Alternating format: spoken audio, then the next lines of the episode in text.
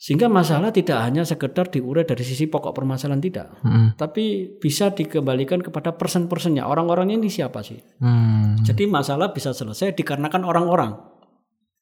Artinya apa? Kita bisa mempelajari personal ini bagaimana, karakternya apa, mendekatkan daripada sisi karakter orang-orang itu. Assalamualaikum warahmatullahi wabarakatuh. Balik lagi di Talk Boys. Jangan lupa dengerin sampai habis.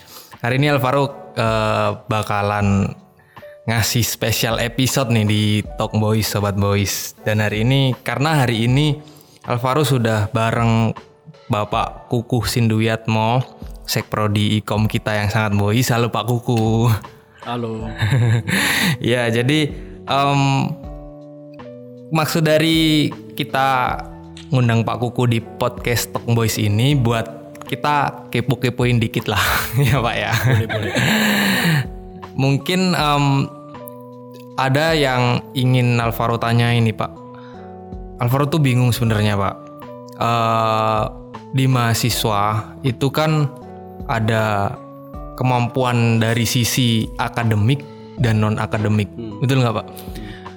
Nah dari yang Alvaro lihat dari keduanya itu, kenapa sih keduanya itu nggak bisa bersatu dalam artian ketika ada mahasiswa yang unggul di dalam sisi akademik, pasti non akademiknya jelek. Pun sebaliknya kalau mahasiswa unggul di sisi non akademik akademiknya yang jelek. Gitu. Kenapa sih pak? Ya sebenarnya harus kita luruskan terdahulu ya dari apa yang sudah disampaikan tadi bahwa kenapa kalau sudah bisa berprestasi di bidang akademik non akademiknya tidak bisa teroptimalkan. Begitu juga sebaliknya. Uh, saya rasa tergantung bagaimana kita bisa memanage aja antara waktu dan tenaga jadi saya rasa juga tidak ada alasan ketika kita memacu mengacu pada potensi akademik itulah yang harus kita targetkan. Tapi non akademik ya tidak bisa terabaikan juga. Karena jelas penyekatan waktunya juga berbeda antara teman-teman ingin serius dalam menekuni di bidang akademik hmm. walaupun juga menekuni non akademik. Jadi tergantung bagaimana kita bisa mengoptimalkan waktu yang kita miliki gitu. Kalau toh memang ada fenomena ketika mahasiswa itu uh, secara potensi akademiknya bagus, tapi di sisi non akademiknya bisa jadi memang mereka secara non akademik itu tidak bakat yang tidak terasah hmm. ya, sudah kemampuan yang tidak terasah sehingga tidak dominan di sini. Begitu pula sebaiknya mereka lebih passionnya di non akademik. Hmm. Mungkin kalau di kemahasiswaan melalui UKM ya. hmm. ya oleh kami yang ada apakah itu di teater, apakah di musik, apakah di karate dan sebagainya yang ada di Umsida ini. Dan dia juga lupa karena sudah passionnya di non akademik, tapi dari sisi akademiknya terabaikan. Nah ini juga tidak bagus. Harapan kami apa pun yang ada itu, saya rasa sebuah suatu hal yang wajar lah, bukan sesuatu yang hal yang yang menurut menurut Pak Kuku sih sesuatu yang menghantui atau yang hmm. oh, oh aku gara-gara nih aku harus kuliah ikut kuliah karena saya banyak tugas dari dosen dan sebagainya sehingga saya non akademiknya tidak bisa uh, apa ya tidak tidak ada waktu untuk bisa dipotensikan. Saya rasa juga, juga tidak demikian begitu. Hmm. Bagaimana dengan yang serius banget dengan akademik please deh ya kita hmm. bagaimanapun teman-teman ini masih dalam ruang mahasiswa kewajiban mahasiswa adalah hal-hal yang berkaitan dengan ruang akademik ya sesuatu yang kewajiban harus di jalani begitu kan dengan tidak mengabaikan apa pun kesibukan teman-teman di luar sana. Saya rasa itu. Berarti sebenarnya kalau ditimbang secara kewajiban atau kepentingan itu menurut Pak Kuku lebih penting mana sih antara akademik dan non akademik?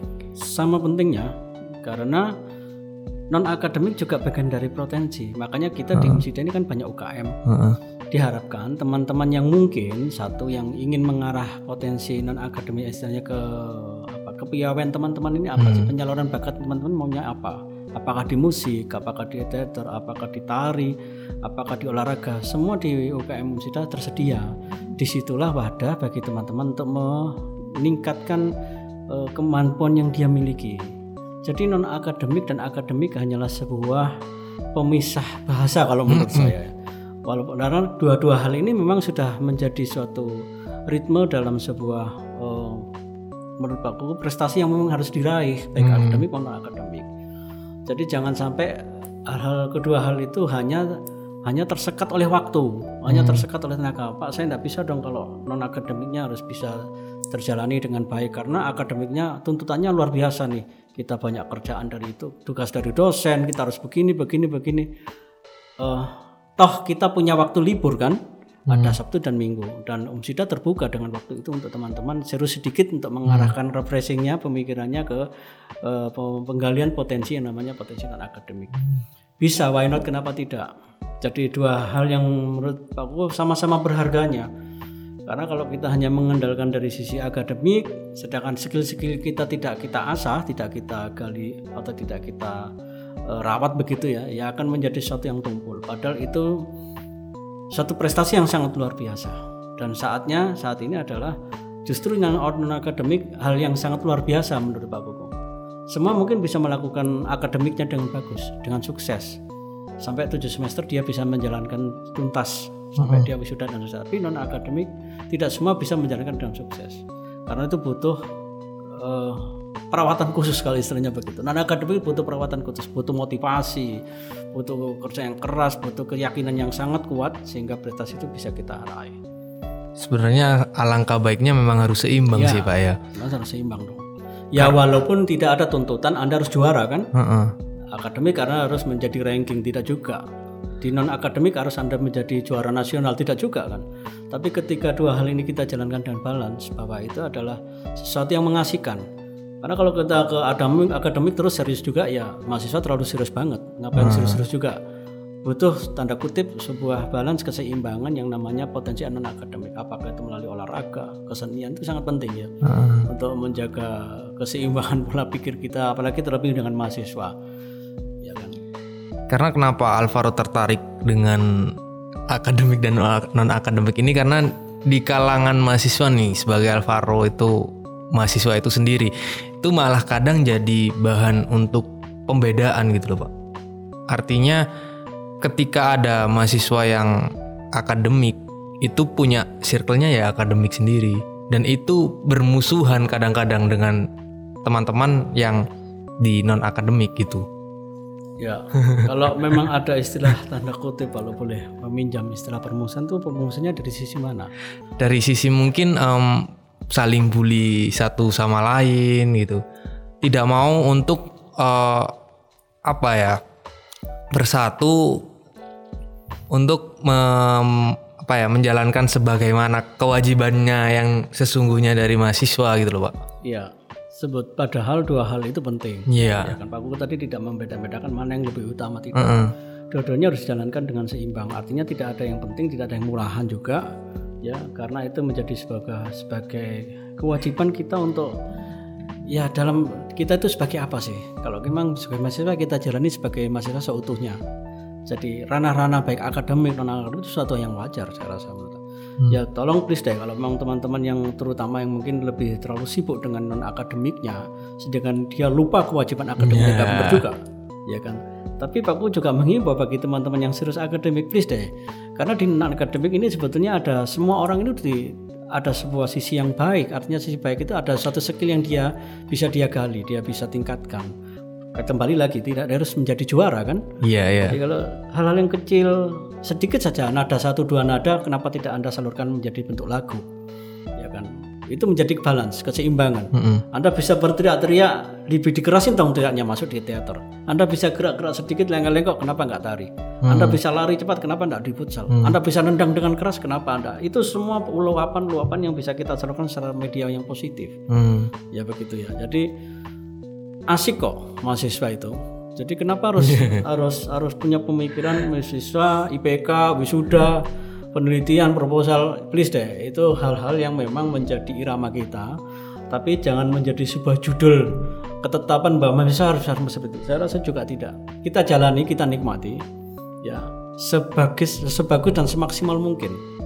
Ya dan yang saya rasa yang bisa mengetahui manajemen oh, timingnya kan teman-teman sendiri yang bisa mengukur kapan aku harus eh, nongkrong kapan aku harus masuk ke kelas kapan aku harus bisa mengikuti kegiatan-kegiatan di luar kampus itu kan kembali kepada teman-teman sendiri tapi semua itu dalam rangkai tanggung jawab dan konsisten Jangan sampai hanya sekedar Anda mengikuti ini ini itu ujung-ujungnya Anda lupa. Kewajiban Anda juga harus terselesaikan namanya akademik. Ya. Jadi teman-teman akademik sendiri juga tidak boleh menghujat atau menjudgment bahwa oh non akademik anaknya nggak serius-serius. Itu urusan anak-anak terus-terus ngikut-ngikuti kegiatan yang di luar kampus misalnya ngikutin di luar kelas nggak pernah masuk di kelas. Eh, please dulu ayo kita rasakan ruang itu kepada diri kita masing-masing. Nikmati.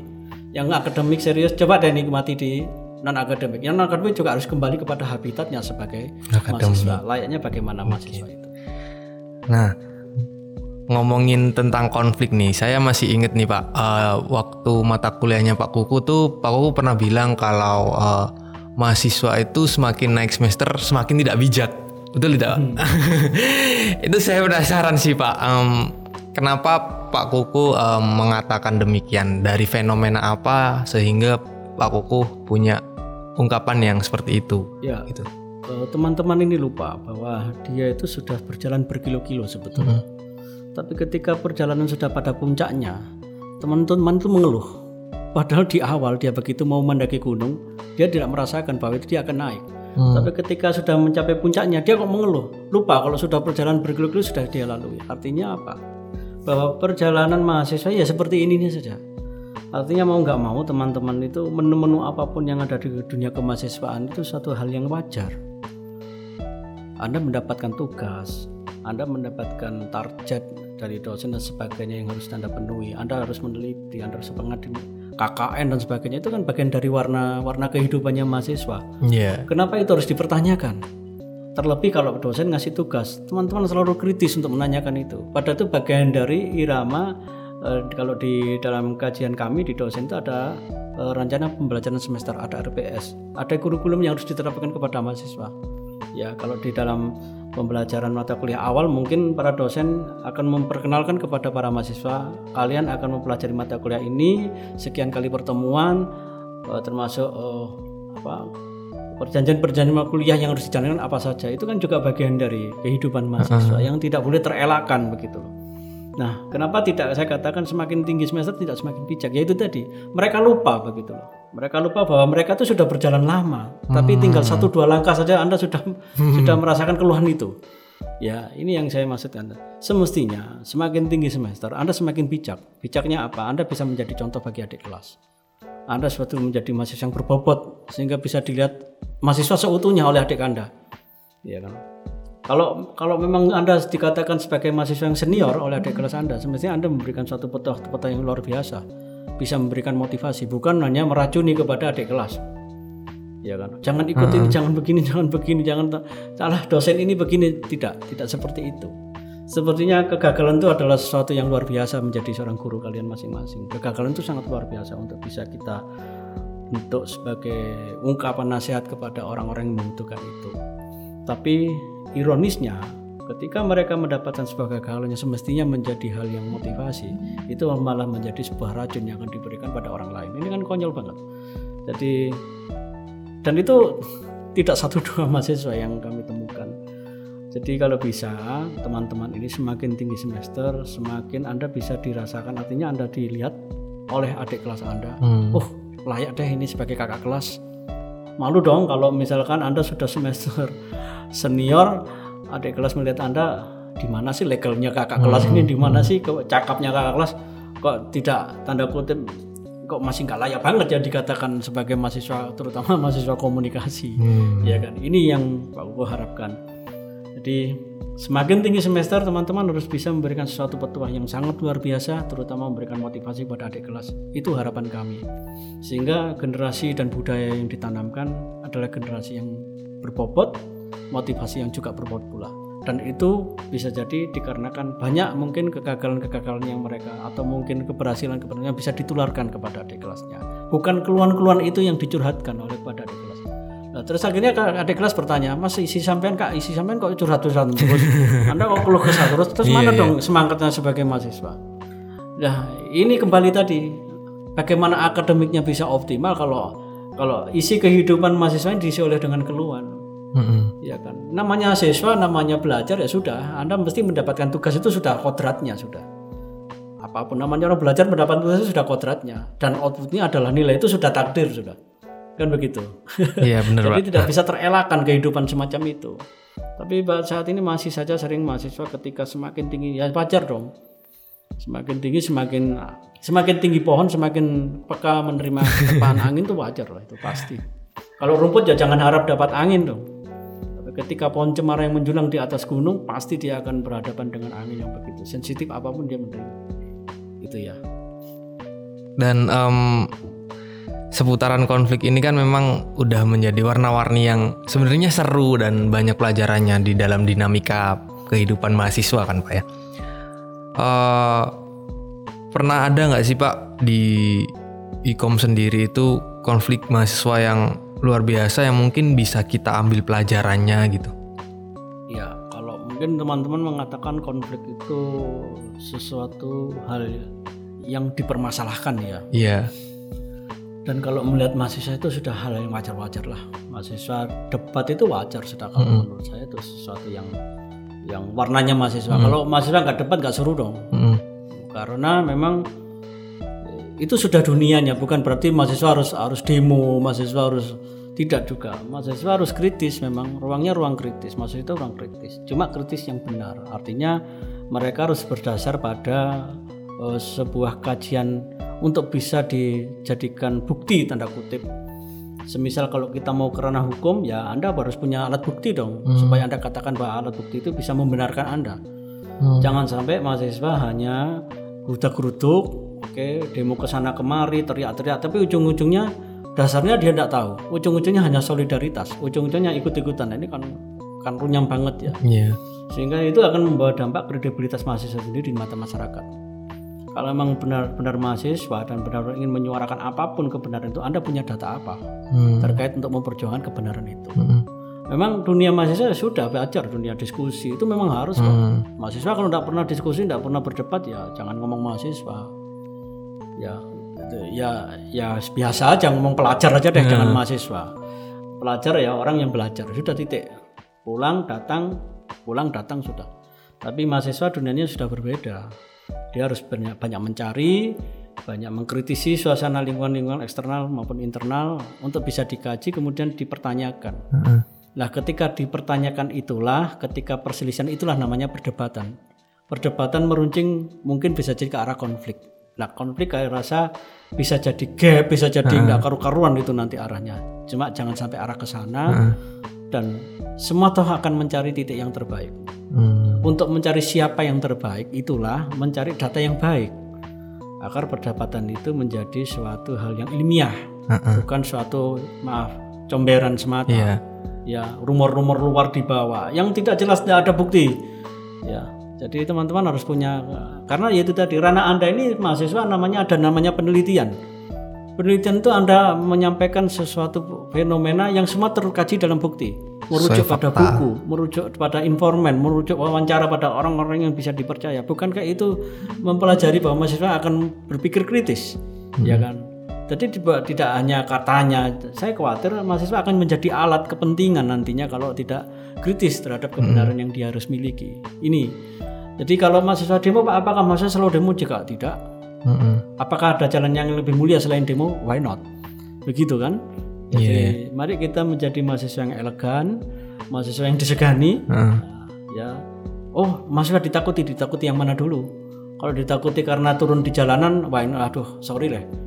Tapi kalau ditakuti disegani karena memang intelektualnya terbangun, yang seperti proses-proses itu sudah Anda lalui, kebenaran data Anda miliki, wah luar biasa dong. Jadi mohon warna-warna itu dibiasakan di kehidupan mahasiswa itu. Ya, jadi bukan hanya berdasarkan uh, retorika semata, Heeh. pinter ngomong doang, tapi tidak bisa data yang membuktikan. Ya, ini. Ya. Oke, eh, terus terakhir nih Pak, mahasiswa nggak lepas dari konflik. Dan tentunya konflik itu pasti mengandung banyak pelajaran dan eh, trik nih Pak da- untuk negosiasi atau mungkin lobbying agar bisa menyelesaikan konflik itu. Karena kebanyakan mahasiswa zaman sekarang yang Alvaro rasain dan yang Alvaro lihat sendiri tuh banyak sekali sering membiarkan permasalahan yang ada Pak. Sehingga permasalahan itu mengakar orang-orang yang nggak terlibat akhirnya tahu dari omongan sana sini ya gitu. Akhirnya konflik itu membesar gitu. Ya, jadi teman-teman harus banyak belajar sejarah ya. Heeh.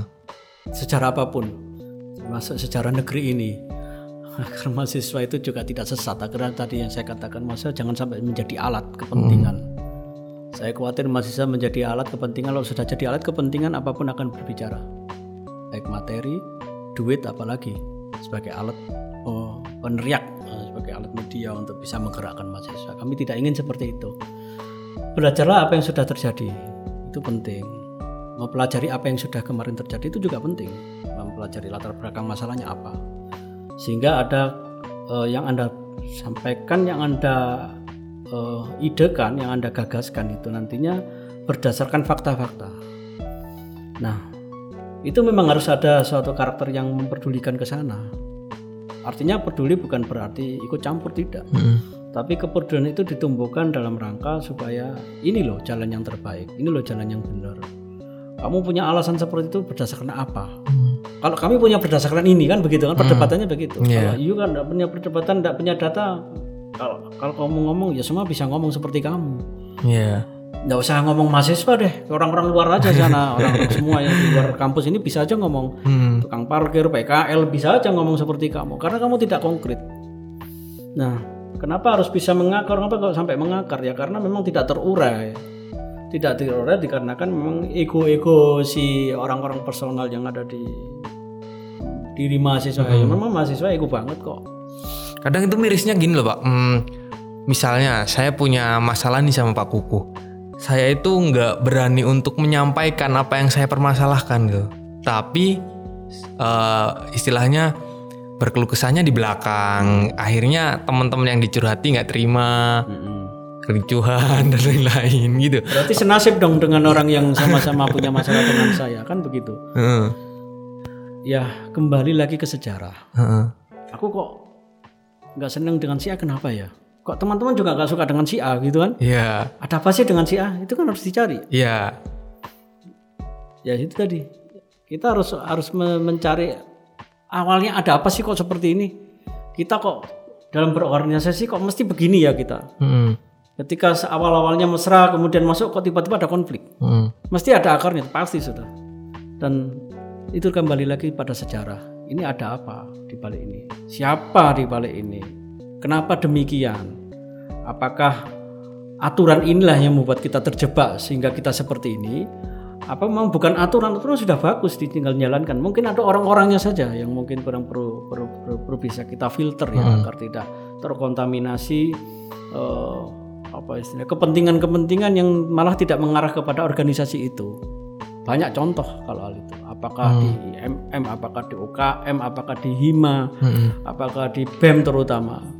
Ya, apalagi kalau sudah mengarah ke BEM, BEMU dan sebagainya itu yang sudah berorientasi pada semua prodi masuk anak-anak berkarakter yang sangat berbeda. Jangan kan ngomong kita BEM, ngomong HIMA aja kita sudah bergaul banyak karakter. Nah, kita harus memahami satu sama lain. Nah, perlu teman-teman ini juga merujuk, artinya mencari referensi, mencari sebuah istilahnya apa Pak Bobo? Guru ya istilahnya orang yang bisa memberikan petunjuk. Hmm. Memberikan petunjuk bisa jadi dosen, bisa jadi senior.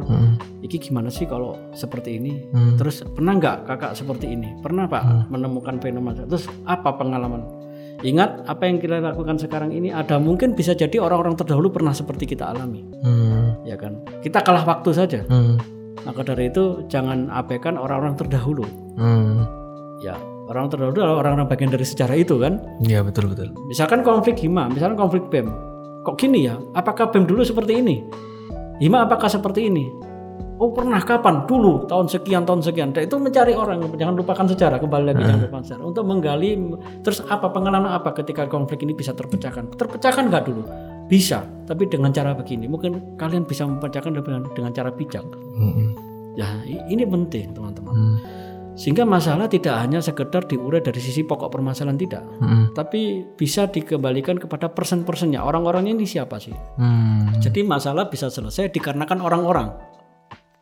Artinya apa? Kita bisa mempelajari personal ini bagaimana, karakternya apa, mendekatkan daripada sisi karakter orang-orang itu. Ingat bahwa kita di organisasi ini bertarung kita bukan hanya program, tapi bertarung kita juga pada karakter anggota kita masing-masing. Memahami ketuanya kita seperti ini, sekretaris kita seperti ini, bendara, oh anggota nakal banget, suruh rapat nggak datang-datang, telat terus. Kalau kita telat sudah ngobrolnya, kita minta-minta diulang. Itu kan bagian dari pemahaman karakter. Iya iya. Ya, jadi mensolidkan dalam suatu organisasi tidak mudah. Karena di balik mensolidkan itu ada namanya penyatuan karakter ini tadi, mem- memahami personal masing-masing. Tapi harapan Pak Kuku, siapa pun yang berkomitmen di mana pun kalian berada di ruang apa pun, entah itu hima, bem, UKM apa pun itu, mari deh kita kembali kepada apa itu. Anda mau masuk ke sana itu ngapain sih? Hmm. Apakah hanya sekedar ingin cari kebanggaan status? Oh aku ini biar jadi anggotanya hima. Oh aku ini anak UKM. Oh aku ini anak bem. Apakah begitu? Hmm. Tidak penting kok. Hmm. Tapi yang jauh luar biasa ketika Anda menjadi pribadi yang baik, benar-benar komitmen ingin menjalankan, ingin memperjuangkan bahwa ruang itu harus lebih bagus dari yang kemarin itu jauh lebih mulia. Kalau hanya sekedar Anda pantas-pantasan aja dicari, disebut sebagai anak hima, disebut anak IMM, disebut anak UKM. Jadi please nawa itunya harus di grade ke bawah lagi ya.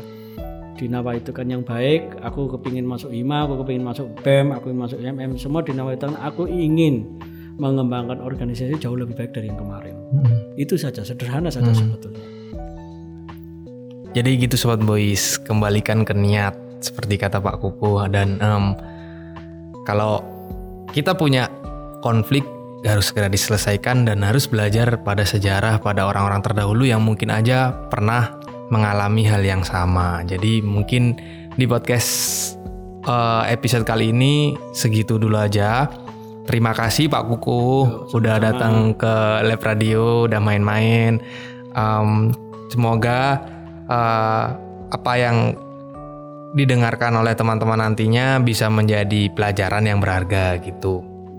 Jadi segitu dulu aja sobat Mois, tetap terus dengerin podcast Mois mahasiswa masa kini. Saya Alvaro. Wassalamualaikum warahmatullahi wabarakatuh. Wassalamualaikum warahmatullahi wabarakatuh.